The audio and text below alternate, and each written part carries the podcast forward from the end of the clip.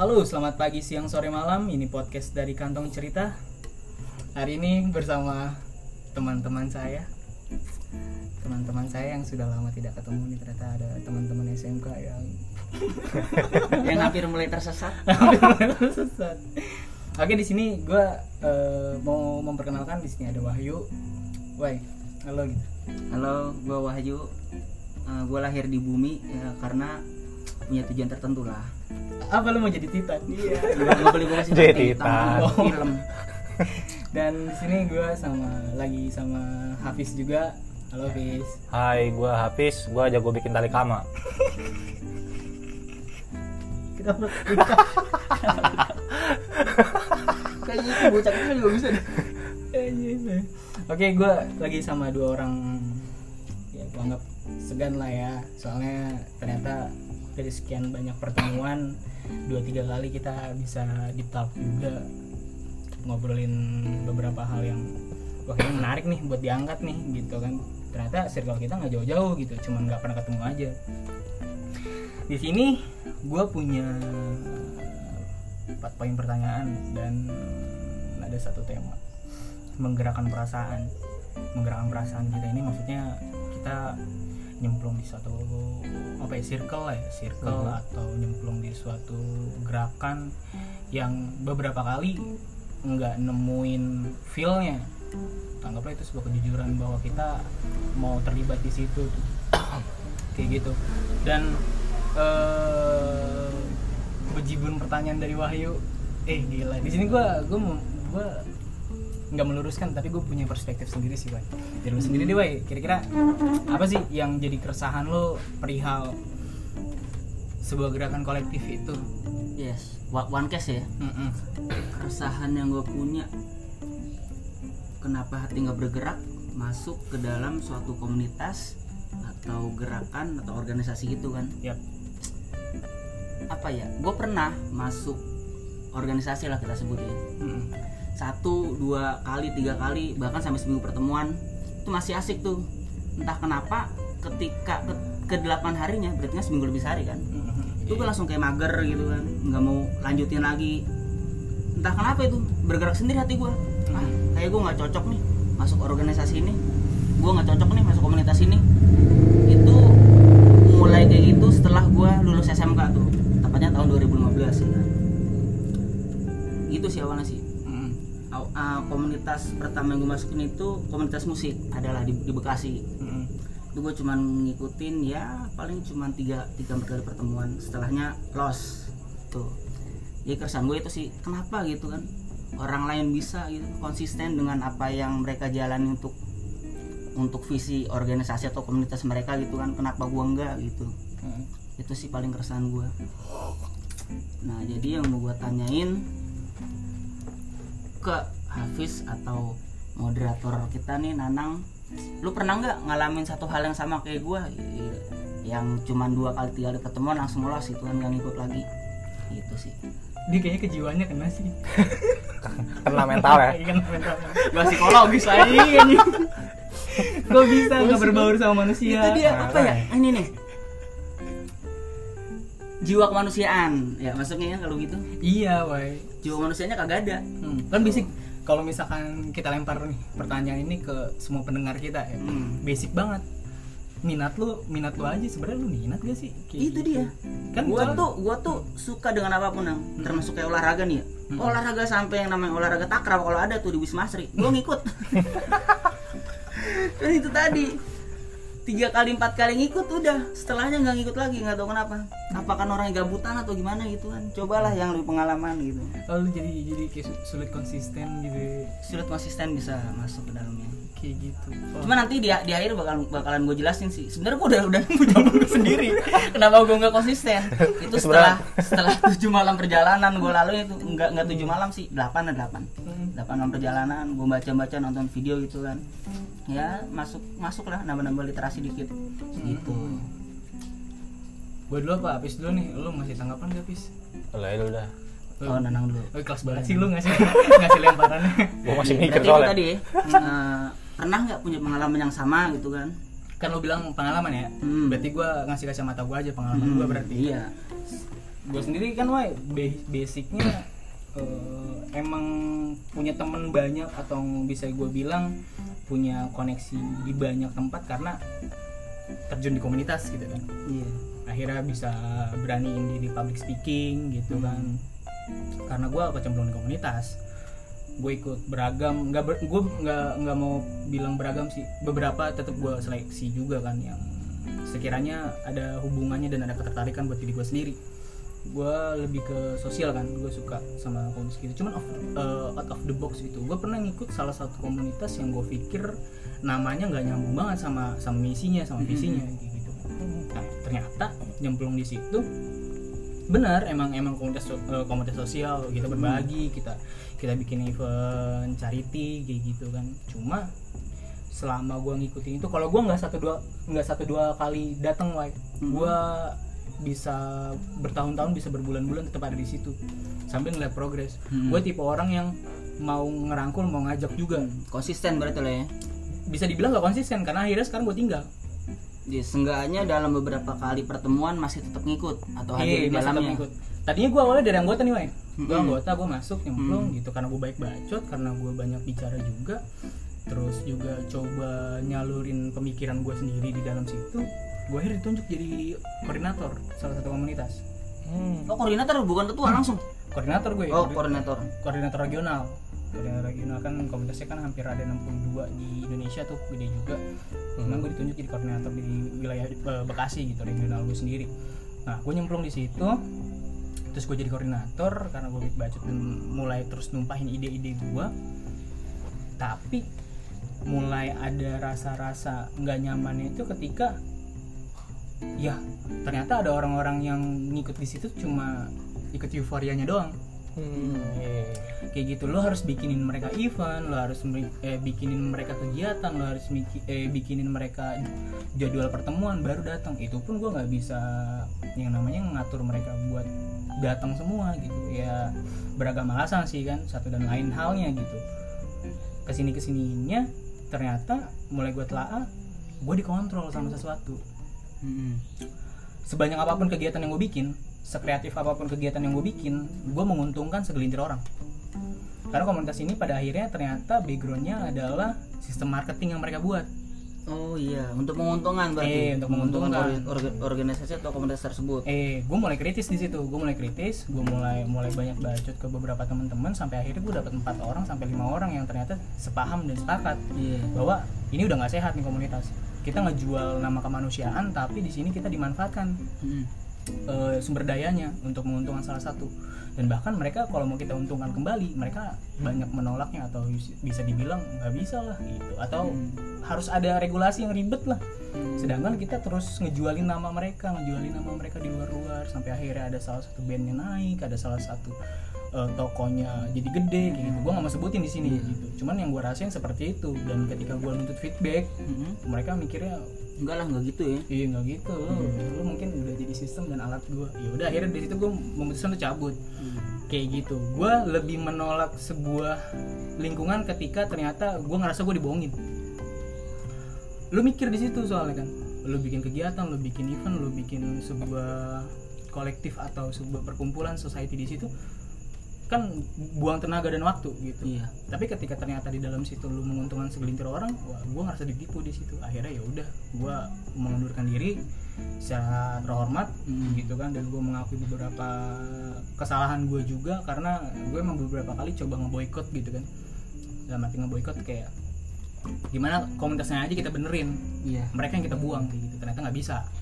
Udah melekat gitu. Bahkan udah udah alih fungsi atau alih penilaian lah. Gue juga nggak terlalu paham tapi akhirnya ya udah memutuskan gue ngalah ya gue cabut gitu sama beberapa orang yang masih mau ikut sama gue dan di situ pun gue nggak bisa ngejamin mereka bisa terusan bareng sama gue lu juga berhak milih lu menyempung di mana.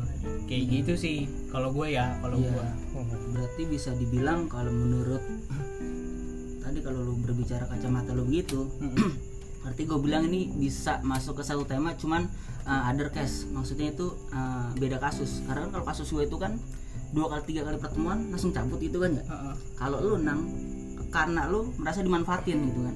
Enggak gini, masuk poin-poin gue tuh Gue harus bener-bener tahu Hmm. Apa yang bikin gue nggak harus di situ lagi. Kalau lu kan kayak annoying juga lu nggak ada Iya, alasannya kan? Random banget ya. Random banget dua tiga kali nggak tahu alasannya apa gue udah gue cabut aja kayak gitu. Kalau gue ya ya tetap harus nyari titik nyamannya gue di mana dan emang tujuan gue masuk ke situ karena apa kalau gue tujuan masuk ke situ karena kemanusiaan gitu ngebantu banyak orang gue seneng Hmm.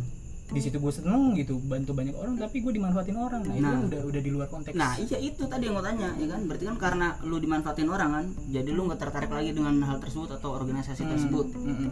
yang buat lu jadi out atau keluar dari Mhm. tempat itu ya begitu ya itu bener eh, satu tema beda kasus oke oke. Bisa, bisa. tapi itu sih kalau gue pribadi. Hmm. kalau dari lu habis kali ya.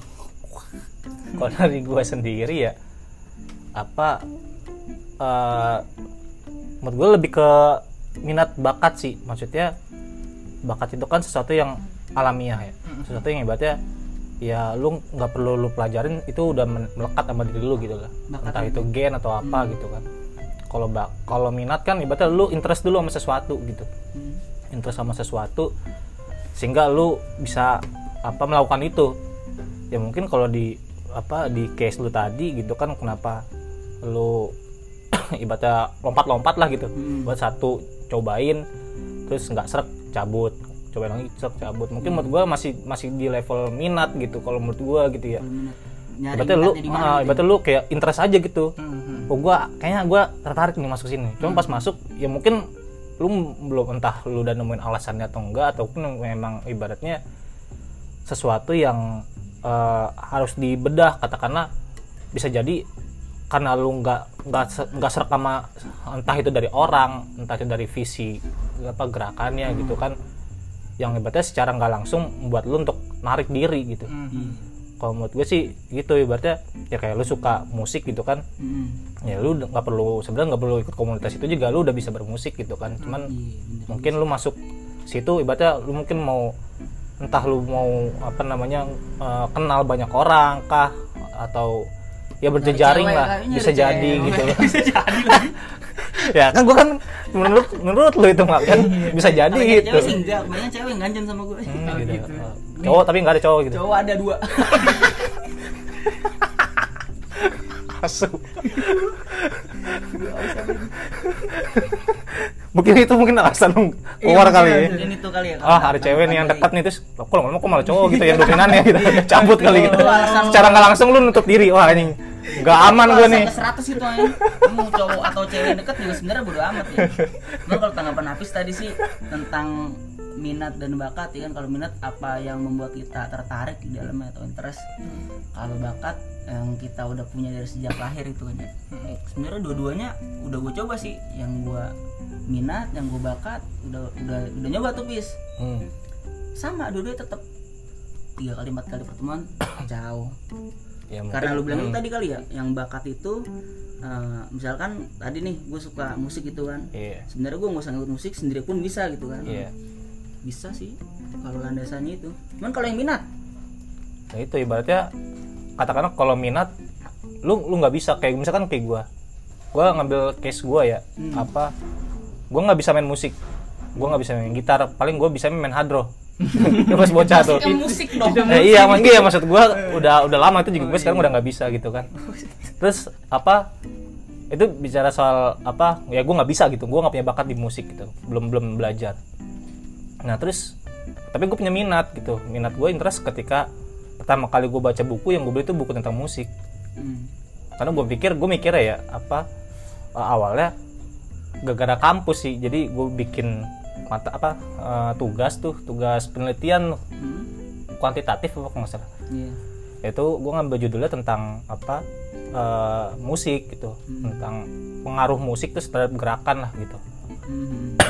nah terus kata gue tapi gue dapat kayak nih dapat nilai bagus gue kan. Kata gue gue gue seneng gitu kan. Wah keren juga nih gue bisa bisa bikin gini juga kan. Terus gue tertarik gitu ibaratnya gue mau ngulik lagi. Kayaknya nih bakal jadi skripsi gue ke depannya. Tuh pas masih semester semester 2 tuh. Hmm. gue udah mikir tua dia semester 2 aja udah punya bahan kayak lu. Tapi kan gue sampai sekarang gak gue apa-apain kan. Jadi ya kan lu lulus bareng gua dia. lalu lulusnya lama. Iya juga ya. Lulusnya di kampus lain lo kan.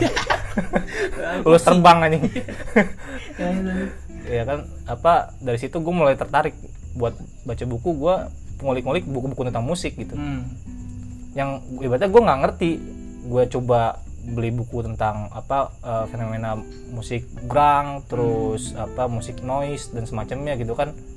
Gue mulai dari dari cover kata gue asik terus kayaknya seru nih. Tapi pas gue baca gue tetap nggak ngerti sampai kelar. Hmm. Kata gue ini gue ibaratnya kan itu kan cuma minat gitu. Ibaratnya gue cuma tertarik doang gitu. Interest karena satu hal gitu mungkin yang membuat gue senang tapi ketika gue kulik ternyata itu bukan bakat gue di situ.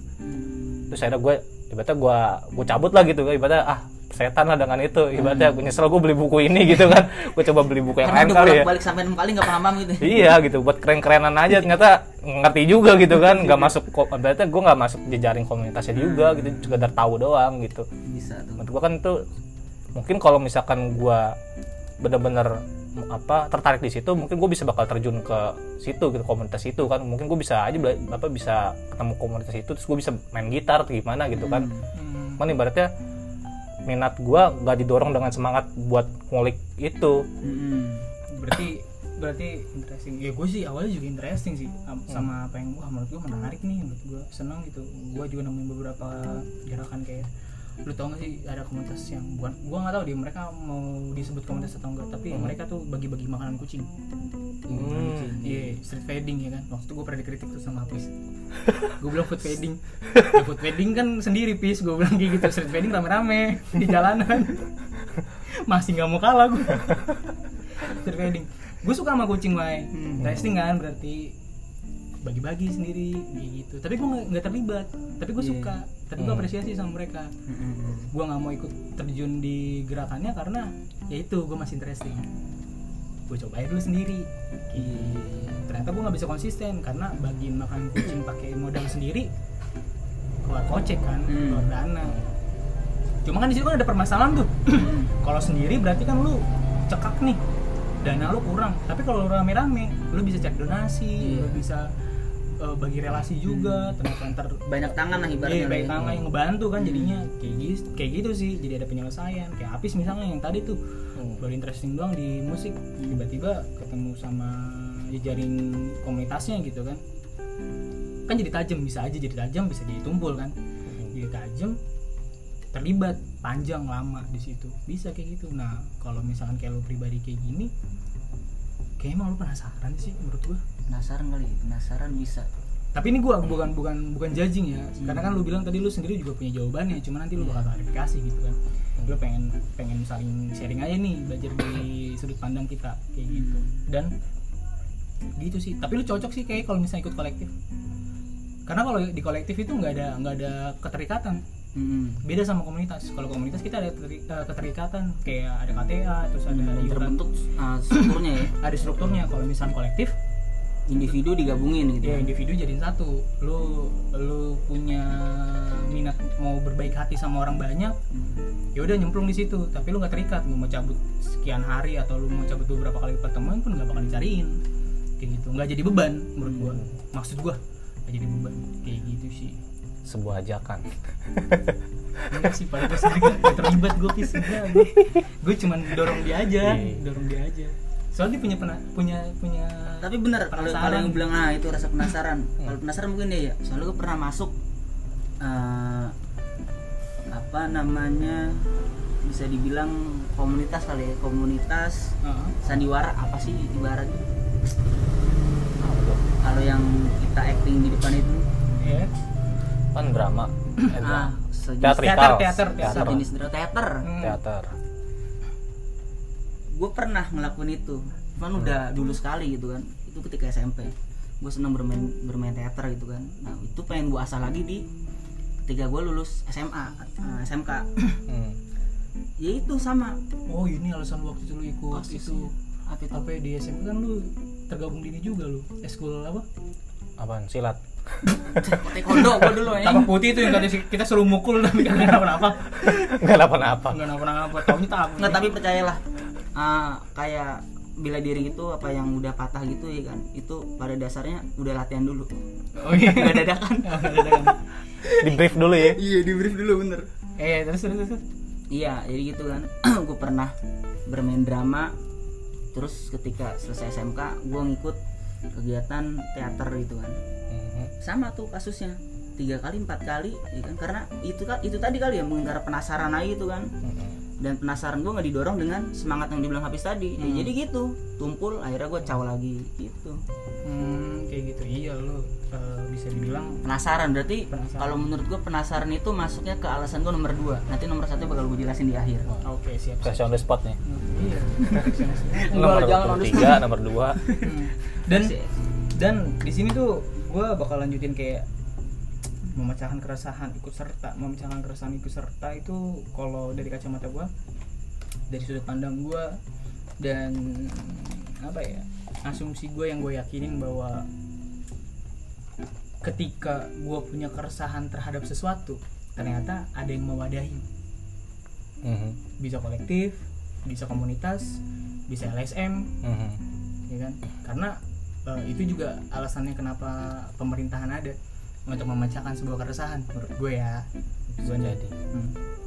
ternyata kadang kita sering berekspektasi cuy iya Mhm. Iya kan kita punya keresahan nih gue resah banget kalau misalkan di lingkungan gue banyak warga yang butuh dibantu banyak warga yang butuh ditolong Hmm. tapi ada sekumpulan orang yang ternyata lebih milih bantu lingkungan yang di luarnya Mm-mm. dibandingkan orang-orang terdekatnya kayak gitu mengataskan nama kolektif atau komunitas jelas gue nyatakan seperti itu karena ternyata gue pernah sepakat bis sama sama omongannya Wahyu. Dia bilang kenapa lu harus bantu orang di luar sana sedangkan di lingkungan terdekat lu aja? Bahkan keluarga lu juga butuh dibantu.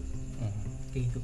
Gue ngobrol lagi sama salah satu orang yang ternyata itu adiknya bokin gue sendiri. Dia bilang kalau misalkan kita terlalu banyak berlebihan kasih effort sama keluarga juga mereka bisa bunuh kita cuy kayak gitu. Karena sejuta lu juga pernah ngomong kok sejuta kebaikan ketika ada satu buah kesalahan sudah salah saya sebenarnya. Itu gue ngobrol sama temen gue kok lo denger sih ya karena ngeritik desain gue anjing.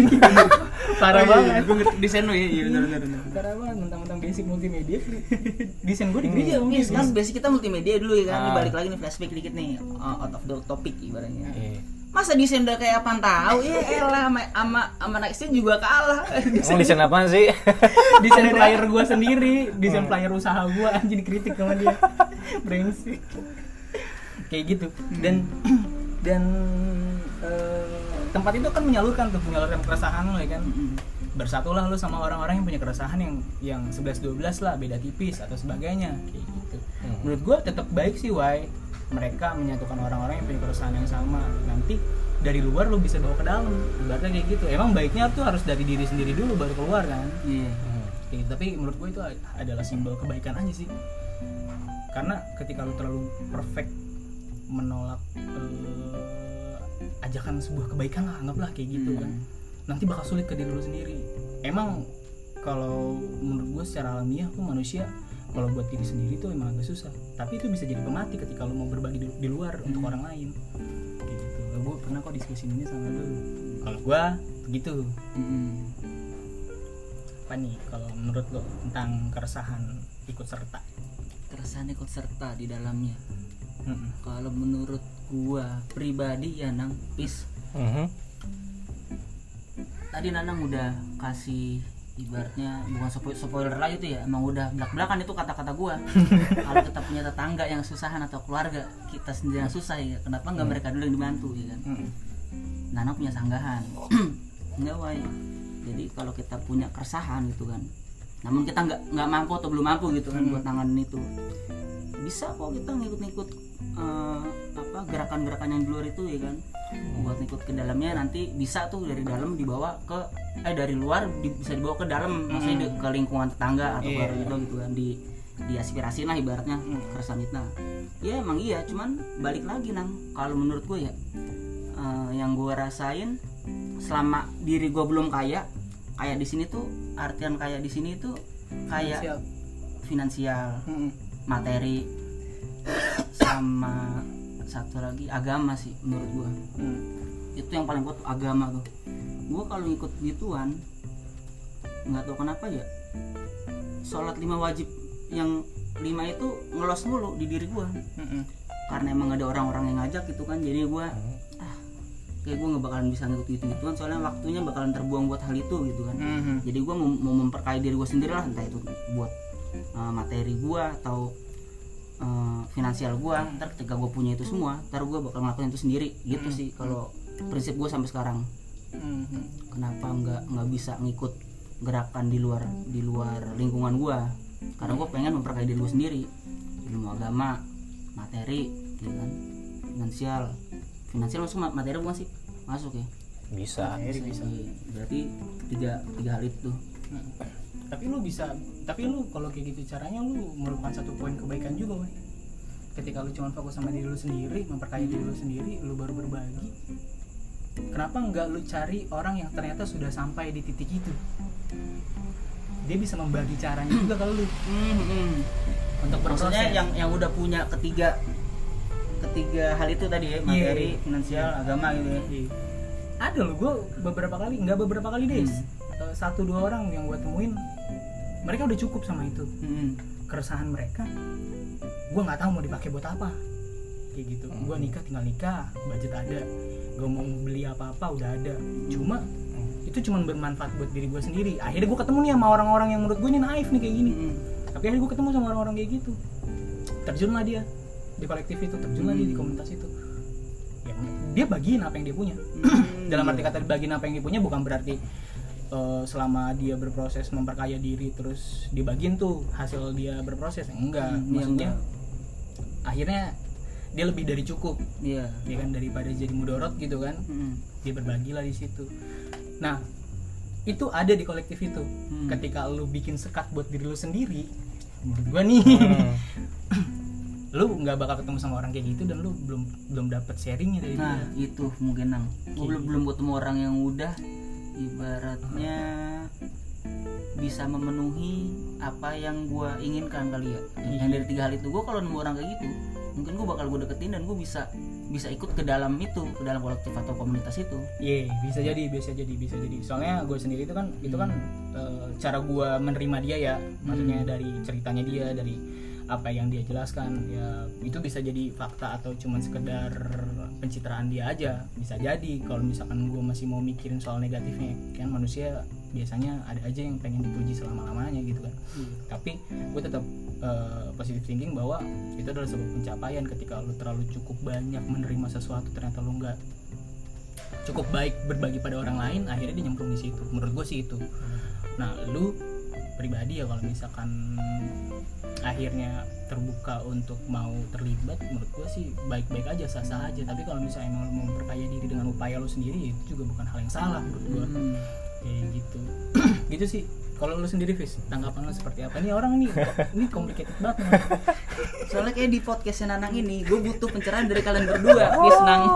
Nggak ada biar ada bercahaya muka gue nggak yang egois jatuhnya egois nggak sih? Enggak juga sih sebenarnya karena gue masih sayang sama orang tua gue kok. Buat diri sendiri enggak sih? Kalau buat diri sendiri ego. Sayang orang tua gara-gara sayang orang tua jadi nggak egois ya ngaruh ya. Iya sih. Gak tau juga sih gue gak tahu. Tapi menurut gue egois buat diri sendiri dan gak Iya. merugikan orang lain di situ. Tapi mungkin ya eh, sewaktu-waktu Insya Allah kapan gitu kalau udah ketemu orangnya tempatnya atau apa pun itulah yang buat ngedorong gue buat ikut di dalam gerakan itu selama gerakan itu positif pasti gue ngikut kok. Eh, itu sih tapi lu lu negatif negatif tinggi gak sih? Kalau misalkan lu buat diri lu sendiri aja belum tentu lu ngapain sih bagi-bagi ke orang kayak gitu? Itu gak sih? Dulu ya. Dulu ya? Dulu sempet iya. Hmm. ya itu tadi yang perkara tetangga kan. Tetangga lagi. Aduh di banyak tetangga mulu nih podcast ini Kayaknya masalah lu sebenarnya sama tetangga gitu. Kayak lu Kalau gua kayak tangkep ya, kayak- tetangga lu kayaknya itu masalah besar ada, ya. ada satu RW lah ibaratnya gitu. satu RW dia itu salah satu eh, penggerak penggerak komunitas itu kan. Hebat ya kan. Berarti kalau udah penggerak berarti hebat kan. Hmm. nah dia ini bermanfaat buat di luaran sana. Sedangkan kayak eh, karang tarunanya atau ibaratnya perkumpulan remaja di daerah gua gitu kan Hmm. kok mati gitu kan? Hmm, hmm, berarti siapa yang salah nih gitu kan dia hebat di luar cuman di dalam keok iya sih Hmm. iya dia bisa Gitu. memberdayakan di luar Hmm. gitu ya. apa karena dia emang ntar bakalan pindah nggak nggak di lingkungan gua lagi makanya dia keluar Bisa gitu. atau enggak tetangga yang lu pengen bantu itu ternyata dia benci kagak kalau ini murni ya bukan gua benci bukan gua nggak kenal sama dia cuman gue kenal siapa Tuhannya siapa orang tuanya kalau gue Iya, iya, iya. kalau gue gitu sih coba Apis kasih gue pencerahan sedikit Ma- kasih pencerahan lagi tadi poin pertama gue di, dicerahin lagi dicerahin lagi Emang gue pemutih wajah lo. skincare Jadi kalau gue masuk nih ya, ya. bicara soal keikutsertaan gitu kan. Eh, tadi kan pertanyaannya ya lu kenapa harus apa membantu orang di luar sana sedangkan di apa lingkungan terdekat lu nggak lu bantu iya karena menurut gua kedekatan seseorang tuh belum tentu bicara soal diukur soal jarak. Kayak misalkan kayak serumah lu. Ya simpelnya lu di antara tetangga lu lebih dekat mana tetangga lu sama temen lu. Maksudnya kayak ya kayak gua kan bukan tetangga lu gitu kan nang. Bukan tetangga lu kan. Tapi kan gue bisa dekat sama lu gitu. Oh iya benar benar benar. maksud gua kadang apa ya menurut gua emang kita nggak bisa menafikan gitu. Ibaratnya kita harus apa ibaratnya eh, objektif dulu ya, katakanlah kita pasti ada kecenderungan seneng sama seseorang gitu. Katakanlah sama sama komunitas ibaratnya kayak tadi- apa komunitas misalkan untuk apa aksi-aksi sosial gitu. Hmm. ibaratnya ya dia nggak terikat sama daerah lu apa gimana gitu kan. Cuman lu interest. Ibaratnya ya lu maksudnya lu bisa aja di situ apa diterima di situ karena lu merasa dihargai di situ atau enggak ya lu merasa diterima lah di situ lu berbicara ibaratnya yang mungkin gitu di rumah ataupun di daerah sekitar lu mungkin orang nggak bakal dengar lu tapi di komunitas itu lu didengar mungkin dari situ lu tergerak wah akhirnya gue diterima akhirnya lu ikut bisa ikut kegiatan itu. Makanya menurut gue kenapa orang bisa bantu keluar sana menurut gue awalnya dari diri sendiri dulu. Iya maksud masuk ibaratnya nggak bisa munafik juga ibaratnya kita tetap pasti ada unsur kebutuhan untuk diri kita dulu. Entah kebutuhan itu untuk apa penghargaan kah gitu kan didengar kah gitu. Jadi menurut gua ya wadah itu cocok buat lu akhirnya ya lu nimbrung ke situ. Hmm. jadi ibaratnya ya kenapa nggak mikirin sekitar? Ya karena sekitar nggak nggak nerima gua ibaratnya gitu. Belum tentu. Hmm, hmm, hmm, hmm. ya kayak mungkin ya di tempat lu ada karang taruna cuman ibaratnya lu nggak deket sama karang taruna situ kan. Ibaratnya lu juga lu nggak nongkrong bareng juga. Mungkin kalau nongkrong ya pertanyaan-pertanyaan basic aja gitu kan. Gimana kabar? Terus bapak kerja apa atau apa? Ibaratnya yang gitu-gitu ibaratnya ya anjing kan ya kan kan kamu tahu dia saya nganggur. Iya itu ibaratnya kan ya bete banget gitu. Ya Iya, cuman iya. kayak orang asing aja padahal dekat gitu. Iya, ibaratnya benar. secara jarak dekat jadi tapi kalau menurut gua kayak gitu. Ih, ada keterlibatan emosional di situ. Tapi iya jadi berarti ya eh, apa namanya syarat pertama gitu ya. Ya kedekatan emosional sih kalau menurut gua entah itu dari minat lu atau dia teman lu atau gimana akhirnya lu tergabung situ terus lu ikut ke mana gitu. Menurut gua di situ sih. Iya dan iya sih gue pikir eh, perlu sih emang perlu. Dan juga iya sih kedekatan tuh mempengaruhi juga sih. Kedekatan emosional tadi. Iya karena ternyata eh, ya lu misalnya di Karang Taruna lu speak up kayak gini lu peduli banget gitu ada ban- ada dana bantuan pula. Terus tahu-tahu disunatin sama RT iya kita, kecewa kita juga. Kecewa kan akhirnya yang tadi iya. pindah rumah. Gara-gara ada dana nggak seberapa pindah rumah. Iya kan? Yang tadi minat kita pengen bantu lingkungan terdekat ya. Hmm. malah ada oknum-oknum kan akhirnya yang bikin kita jadi ya ngehe juga gitu brengsek juga kan. Nah eh, berkaitan dengan itu jadi kita tuh perlu apa ya, mengobarkan api kejujuran dalam arti kata seperti itu tuh kayak apa ya minat yang tumbuh organik dalam artian ya gue peduli nih. Hmm, yang bener-bener care gitu ya. Iya yang benar-benar kayak gue peduli nih atas kebaikan yang emang gue punya segini ditambah lu punya segitu gitu. Dan ditambah banyak orang yang punya segitu juga kan jadi besar gitu. Hmm. jadi besar. Nah dan gue juga salah satu yang berarti dari apa yang gue jelasin tadi kan gue juga selektif juga kan milih tempat di mana gue bisa terlibat gerakan yang anggaplah menjunjung kepedulian gitu kan terhadap sesama. Kayak gitu. Dan itu sih. Ada keterlibatan emosional dulu. Hmm. bentar emang sih. Tadi kalau yang buat anggap dari Apis Hmm. eh, sajian buat gua ya sajian. Sajian coba itu. Makanan sajen itu? Tadi sih kedekatan emosional kedekatan emosional. Nah, karena kita kan eh, tertarik dengan sesuatu hal itu kan jadi kita bisa masuk ke dalamnya gitu kan dengan dengan kita merasa apa gua aman nih di tempat itu. Hmm. gua dipeduli nih di tempat itu. Gitu habis ya? Iya. Berarti bisa dong kalau memposisikannya kayak ibarat nih. Gua tinggal di eh, satu rumah Hmm. yang nggak punya tetangga gitu kan tetangga gue jauh-jauh nih Iya. ya enggak dan terus ada ada satu, lagi eh, wilayah yang jaraknya jauh dari tetangga itu kan sa- sama-sama jauh kalau lu bilang Mm-mm. tadi nggak bisa diukur pakai jarak ya kan Mm-mm. kita main ke tetangga yang rumahnya jauh dari gua karena kan gua cuma punya rumah yang jaraknya jauh sama tetangga gua kan Iya, lah. gua main situ ya kan Hmm. ternyata gua nggak diterima sih itu Iya. Ya, ya ibaratnya uh, apa yang gue punya nggak dihargain itu kan ya Mm-mm. terus kemudian gue uh, lanjut terjun ke wilayah yang beda sama tempat tinggal gue tuh Hmm. yang rada jauh nah di situ gue dihargain tuh Hmm. atau uh, ketika gue ngebuat apa ngelakuin apa pada suka sama gue dan gue lebih memilih ke situ itu bisa masuk juga tuh berarti itu ya Bisa. Ibaratnya kan ibaratnya pada akhirnya kita cocok-cocokan sebenarnya gitu. nah sebenarnya pada dasarnya gue juga kalau ada karang taruna di dekat rumah gue nggak ngikut. Nah, iya kan. Itu permasalahan. Maksud gua ya berarti pertanyaan itu balik ke lu gitu. kayak bener psikologis kayak. Soalnya kadang ada juga yang kita nilai nih orang butuh dibantu. Kita udah ide aja begitu tuh butuh dibantu. Iya. pas datang ternyata lah perusahaan saya masih jalan. Saya memang di rumah aja. Iya. iya. Rumah ini cuma satu yang tiga ada di luar kota. Hmm. bisa jadi Bisa jadi. Jadi. Sama kayak halnya ini nih saya lihat nggak pernah kerja nggak pernah apa tapi duitnya banyak. Iya toto Ngepet. tuh ngepet ya kan? Diusir dari kotanya. Nah, gua tangkap lu. Kalau selanjang dulu ya kalau ditangkap ya. lagi banget kayak gitu ya kan? Iya iya, benar kedekatan emosional. Berarti gue belum punya tuh kedekatan emosional dengan siapa pun. Sehingga gue bisa ngikut bareng dia buat eh, apa namanya ngikut gerakannya ibarat gitu yang peduli dengan sesama atau berbagi dengan sesama Iya. Ya karena itu tadi apa?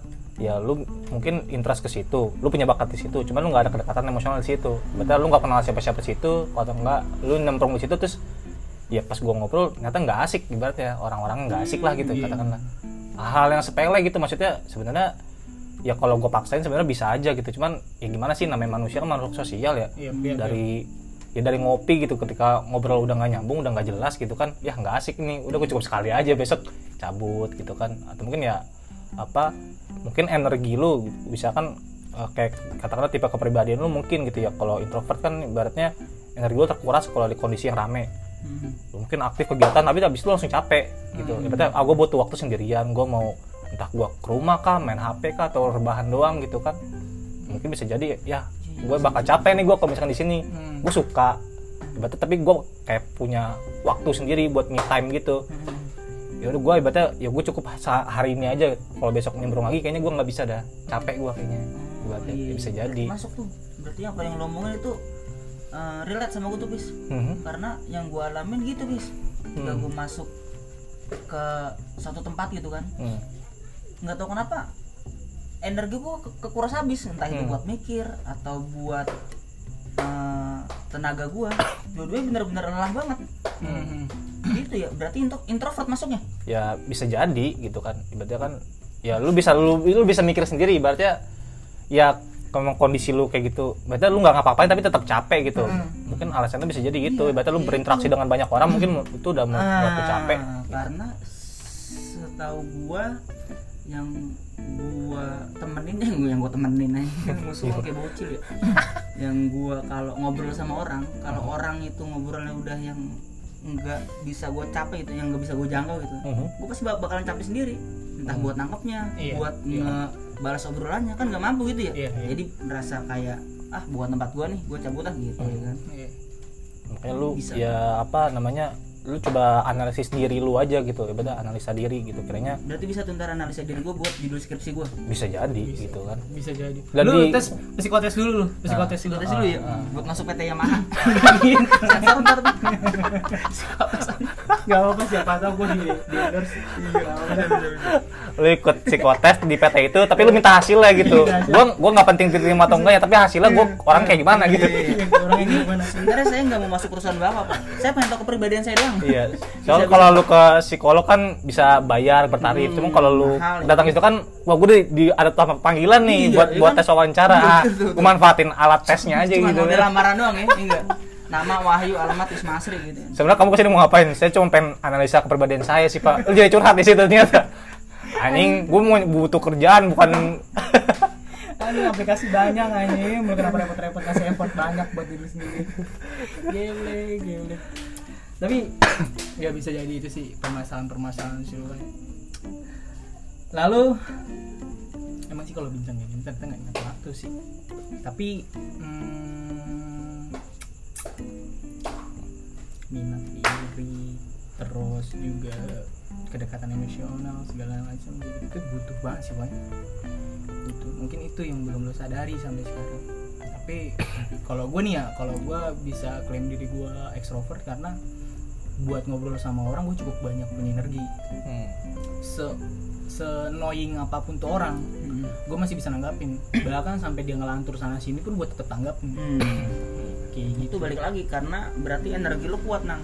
Bukan masalah energi gue kuat energi negatif kayak kayak makhluk halus ini energi kuat nih saya melihat energi kuat. eh, apa namanya daya tangkap sama daya balasnya tuh nggak apa buat ngebalas semuanya gitu buat ngikut gitu kan ngikutin dia. Tapi gue cap kalau cap- nggak bisa gitu ada capeknya juga cuma kadang gue nggak punya cukup banyak energi buat nolak malah kayak Mhm. gitu. Gue gue punya gak enakan juga orang udah udah ngobrol sama gue gitu kan terus tiba-tiba lalu nggak nyambung gitu.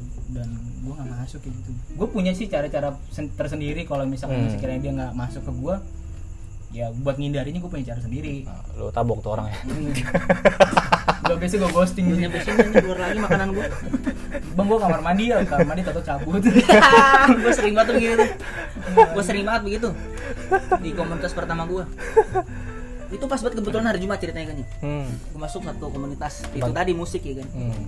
rame orang pada sibuk ngobrol apa gitu pada nyambung gitu kan Hmm. gua sendiri bengong kanan kiri kanan kiri kayak burung dara anjing apa burung dara gitu betul pas banget hari Jumat nih ajan Iya. Sholat lah ya kan ya Hmm. rata-rata pada nggak sholat balasnya bang sholat ya bang ya. Tahu gue pulang. Sholatnya di rumah maksudnya. Di masjid dekat rumah ya tapi alasan juga tuh. tapi kalau misalkan di komunitas atau di kolektif itu beda sama organisasi ekstra ya di kampus. Hmm. biasanya ekstra di kampus tuh ada ada ininya dia ada caranya. Biasanya mereka asesmen tuh asesmen. mereka udah pasti lebih dulu ngedeketin kita dan banyak bacot.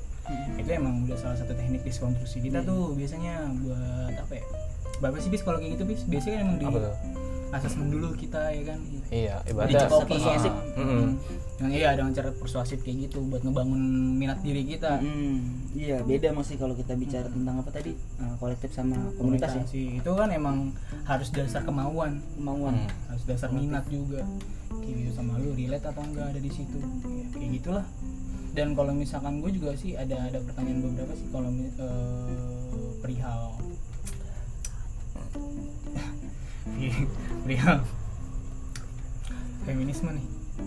Gue mau nyemplungin gue nih ini penasaran pribadi gue nih. Ini keluar ya keluar konteks ya? Boleh boleh boleh keluar boleh. konteks nih. Lu punya sudut pandang tersendiri nggak tentang feminisme? Gue gue punya pertanyaan kayak kesetaraan tuh bias. Setaraan bias. Kesetaraan tuh bias. Menurut gue menurut menurut lo sebuah pernyataan berarti. Maaf ya lu. Soalnya ngomongin fe- feminisme nih. Nggak nggak nggak bisa di ya apa eh, kontrol Z. Kalau bahasa editingnya kontrol Z nih nggak bisa. Hati-hati kalian teman-teman. Bicaranya jangan sembarangan. Menurut gue gitu gitu aja sih uh, Hmm. kalau nganut dari culture gue beragama kan. Hmm. emang laki-laki kan yang harus ya ini yang uh, harus di atas gitu Iya, ya basic lah basic lah sih kayak nyari duit kita kayak gitu kan yang kerja keras kita dan perempuan tuh emang udah ada kalau kata Najwa Shihab tuh eh, perempuan itu punya tiga kodrat Hmm. apa tuh eh, hamil Hmm. menyusui Hmm. Sama satu lagi lupa lagi. Ngedidik kali. Enggak Bukan. enggak. bukan. Hamil. Hamil menyusui sama satu lagi tuh ada gua lupa. Ya menstruasi. Iya menstruasi. Menstruasi, menstruasi. kodrat. oh kodratnya iya. kodrat perempuan tuh cuman itu. Dan nggak mengharamkan kita harus kerja cari uang sendiri berprestasi dan sebagainya gitu. Bahkan gue beberapa kali juga tadi masih nonton video dia gitu yang lagi seminar dia bilang ya ketika perempuan bisa lebih baik dan punya potensi malah emang lebih nggak terlihat gitu cuy. Iya. Hmm. nggak ada pengakuan nggak dianggap. Hmm, tetap aja ah, cewek gitu kan bisa apa? Iya, gitu. Nah. iya sih. Iya. kayak gitu. Perspektif lu deh berdua. Langsung ya. Habis dulu kali kalau soalnya kalau bahas feminisme takut. Kenapa jadi main aman gitu Ces. Kita dipantau oleh CCTV CCTV media men. Di. gimana bis bicara soal apa? Feminisme ya? Hmm. Eh, gue ya gue sepakat sih kalau bicara soal feminisme apa namanya eh, dia kan emang gerakannya eh, atas dasar kesetaraan gender lah gitu kan. Gender apa namanya bukan soal ini ya beda. Gender sama seks tuh beda. Seks kan kalau kalau seks kan tadi tuh kayak kodrati Hmm. ya kalau cewek menyusui menstruasi hamil gitu kan. Itu nggak bakal kita bisa lakuin gitu sebagai laki-laki gitu kan. Itu itu kodrati itu seks. Kalau gender kan bicara soal apa namanya peran. Makanya peran gender ya? peran. Jadi berarti kalau dikatakan kesetaraan gender itu ibaratnya kesetaraan peran. Jadi berarti ya mau wanita itu nguli kek dia yang benerin genteng kek atau dia yang apa mancing sanyo gitu kan yang gak masalah gitu selama itu dia bisa gitu. Sebenarnya lah iya. Enggak, gue mancing sana iya juga ya. Gue nyimak banget. Ayo dicopot dulu colokannya ya kan? Pompai dimasukin air gitu mas. Ya salah. Mancing sanyo anjing anjing. Lah iya tapi kan kenyataannya ibaratnya orang yang mancing sanyo kebanyakan kan laki-laki gitu kan gitu kan. Ya mungkin itu yang mungkin apa teman-teman feminisme yang belum konsen ke situ kali ya. Ibaratnya ya dia menggongkan kesetaraan kesetaraan gitu kan. Coba coba lu mancing sanyo bisa nggak gitu kan? Sejauh ini sih gue baru lihatnya laki-laki. Gitu aja gitu kan. Tapi barangkali ada gitu kan. Gue karena belum lihat aja gitu. Apa mancing sanyo gitu kan lu kenapa nggak bikin tali kama sih? Kayak di awal biar sama gitu. Biar pecahnya nggak pecah banget mancing sanyo anjing anjing. Gue dari bengong langsung ngakak nih untung nggak nangis sih nangis. Itu ibaratnya pembagian peran gitu Pembagian ibaratnya peran. ya sekarang kan ya udah zaman modern lah wanita kerja gitu kan udah udah hal yang biasa. Paling yang masih jadi budaya ya kayak wanita pulang malam.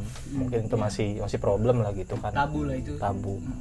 Kita sih mungkin ya apa oke oke aja. Cuma kan kenapa dikatakan wanita nggak bisa eh nggak boleh pulang malam kan sebenarnya kayak lebih ke aturan orang tua lah. Orang tua kan yang notabene gitu konservatif lah gitu kan. Khawatir anaknya kenapa-napa gitu. Kan padahal ya wanita juga udah ada yang apa ikut bela diri atau gimana gitu kan udah bisa jaga diri gitu. So, itu ya perspektif lah. Eh, tapi kalau misalkan bicara uh, gua sepakat atau enggak dengan feminisme tapi kalau gue lebih sepakatnya lebih ke itu tadi kesetaraan gendernya. Hmm. apa yang diperjuangkan. Jadi ibaratnya gue sepakat dengan bahwa ya wanita sama laki-laki itu nggak bisa nggak boleh dibeda-bedakan soal peran gitu. Siapa pun bisa gitu. Ya kalau emang katakanlah suatu saat gitu gua nikah gitu kalau istri gua bisa kerja kenapa gua harus kerja gitu? Jadi itu maksud lu. Kenapa lu bisa gue harus bisa. Iya pantesan. Kalau lu bisa, kenapa setuju dengan perannya. Iyalah. Kalau enak di rumah ya enak di rumah. Tapi itu berarti kan ya kan bukan bukan bukan berarti gua nggak kerja di rumah. Kan gua bisa mungkin bisa gue di masak di rumah mancing Oh, iya. sanyo gitu kan. Aku nggak bisa mancing sanyo gue nggak bisa mancing genteng. Ya udah gue urusan gue di rumah gitu kan. lu nyari duit gitu. anak gitu kan. Ibaratnya kan bukan suatu yang kodrati maksudnya ya laki-laki harus cari nafkah. Perempuan tuh harus jaga anak. menurut gua ya nggak nggak bisa kayak gitu. Ibaratnya itu sih bicara soal kesepakatan antar individu aja. Kalau emang lu mau kerja lu ibaratnya lebih konsennya ke karir ya nggak masalah gitu ibaratnya. Tinggal ibaratnya ini bicara soal konsep rumah tangga gitu ya. Hmm. Itu bisa lu sepakatin ibaratnya dengan sadar lah gitu. Ibaratnya ya lu cewek harus bisa masak ya? Enggak juga. Kalau emang lu dipaksain masak tapi nggak enak kan lu juga yang yang sedih gitu ibaratnya. Hmm. jadi menurut gua bicara soal ya konsen masing-masing aja gitu. Kalau emang dia apa lu sepakat untuk bagi tugas ya nggak masalah. Jadi gue lebih sepakat situ. Dan kenapa gua nggak nggak condong pro ke feminismenya? Karena apa ya akhir-akhir ini gitu ya eh, kalau di lini masa gitu kan kayak cringe aja gitu teman-teman SJW itu gua gue nggak tahu kenapa mungkin masih mungkin persepsi gue yang masih salah gitu ya. Ibaratnya mengasosiasikan feminisme tuh dengan gerakan SJW tapi ya rata-rata emang SJW apa pro kesetaraan feminisme juga. Dan ya apa ya menurut gue nggak serak aja gue sama sama tingkah lakunya gitu ibaratnya. Iya, iya. menyebalkan Di gitu. media sosial maupun di aksinya ya kadang ya makanya kata gue kok cringe banget gitu ibaratnya ketika SJW muncul itu bakal jadi bahan roastingan tuh buat di Twitter tuh. hmm, Ba- buat pasti bakal dirujak habis-habisan tuh ya kan. Ibaratnya jadi jadi hilang apa yang mau dia perjuangkan tapi gara-gara saat segelintir orang ya ibaratnya ya bisa katakanlah positifnya blunder lah gitu kan. Hmm. Jadi jelek gitu. Hmm. emang sih tapi emang banyak banget sih yang ngerundung tuh ketika ya kesetaraan itu bukan cuma sekedar benerin genteng dan sebagainya ya. gue ngikutin salah satu Hmm. eh, akun nggak tahu dia terveri, eh, terverify atau enggak tapi yang Mhm. jelas dia bisa dibilang adalah garis kerasnya di Indonesia gitu dengan pemahaman-pemahaman dia yang gue pikir dia, dia pakai data juga kan Hmm. itu kan eh, anutan dari luar ya Hmm. Kalau misalnya kita bahas culture dan budaya Iya. itu kan budaya dari luar gitu ada setahu gua di gerakan feminisme itu di Rusia atau di mana gitu Hmm. pada tahun berapa gua gua denger itu sih cuma gua nggak baca cuman gua denger itu dibilang ada ada dasarnya mereka Iya. itu tuh dari golongan pekerja dibilang ketika eh, perempuan sudah melahirkan Hmm. mereka itu udah nggak eh, nggak bisa kompetitif di perusahaan di anggaplah di pekerjaannya kayak gitu Mhm. jadi jauh lebih lemah atau sebagainya kayak gitu pada akhirnya di situ tuh banyak perempuan yang menganggur mungkin dan di situ eh, muncul gerakan feminisme Hmm. Perlawanan gitu. ya. perlawanan bahwa kita masih layak Masih layak. sebenarnya sih itu sih katanya sih memperjuangkan hal-hal seperti itu dan mungkin akhirnya banyak kajiannya lagi terus banyak uraiannya lagi sampai men- menuntut kesetaraan itu perihal kedudukan jadi. Hmm. Kedudukan laki-laki dan perempuan. Hmm, ini ini pertanyaan gue yang mungkin nanti next bakal gue bahas ke yang lebih tahu kali ya bisa menjelaskan. Tapi ini kan cuma perspektif kita nih ini cuma cuman penilaian kita. Kayak gitu sih Kish, yang gue tahu. Jadi gue bukan menolak sih tapi gue ada beberapa kesepakatan ketika ya nggak apa-apa kalau emang lu punya potensi nggak apa-apa kalau misalnya emang lu mampu nggak apa-apa. Gue bukan tipe orang yang mau merantai seseorang di di dalam hidupnya gitu ya. Lu lu mampu bekerja sendiri silahkan lu mau ngangkat galon sendiri silahkan lu mau benerin genteng di rumah gue silahkan gitu. Ketika itu emang dalam batas kemampuan lu gitu kan. Iya. dalam batas kemampuan lu gitu. jadi gue sederhananya nganggap kesetaraan tuh seperti itu. Kayak gitu. Tapi bukan berarti juga gue ngejudging bahwa perempuan gak mampu. Karena kerjaan anggap kerjaan kotor kerjaan berat kayak gitu emang masih di mayoritas laki-laki Hmm. kayak gitu buat ke arah situ wah lu harus melawan satu eh, satu dunia sih karena gerakan seperti itu kan ada juga orang yang khawatir ketika eh, lu dapetin kesetaraan itu lu bisa menindas laki-laki misalkan kayak gitu. Mhm. Eh, atau entah ada ada perasaan-perasaan dendam ya dulu mungkin perempuan pernah jadi perbudakan karena dianggap lemah ya kan? Zaman dulu jahiliyah. ya kan? Terus diputar ke keadaannya. Hmm. nanti laki-laki yang diperbudak misalnya kayak gitu. Itu sih cuman cuman negatif thinking gua aja. Ketika, ketika kalau feminisme ini adalah apa ya gerakan yang mengancam orang lain gitu lah. Kayak gitu. tapi ya sudah gua nggak mau ngasih pertanyaan lagi. Nanti bakal kita bahas perihal ini di segmen selanjutnya. Karena waktu sudah menunjukkan 53 menit sekian. Terima kasih untuk Wahyu. Terima kasih untuk Hafiz. Semoga apa yang kita sampaikan di sini bisa menjawab beberapa pertanyaan orang lain. Dan silakan. Dan yang pasti bermanfaat lah. enggak bukan itu tujuan saya tadi maksudnya. Hmm. Apa yang ingin anda jawab tadi Nah, itu kenapa ditagi ya kata selalu Oh iya, menang- di akhir ya. punya jawaban tadi katanya. punya jawaban Iya, jadi gue punya jawaban atas dari keresahan gue sendiri. Keresahannya itu tadi yang gue uh, sebutin di awal podcast kan. Iya. Ini menurut gue keresahannya itu karena semua yang dilakuin sama lingkungan atau sekeliling gue pada dasarnya itu nggak dilandasin sama agama. Mhm. Jadi mereka ada nggak bawa agama. Ngerti nggak maksudnya? hmm. Oke. contoh misalkan kan ya kalau kalau eh, gua betah di suatu tempat gitu kan tempat itu nih menjunjung tinggi agama ya kan Hmm.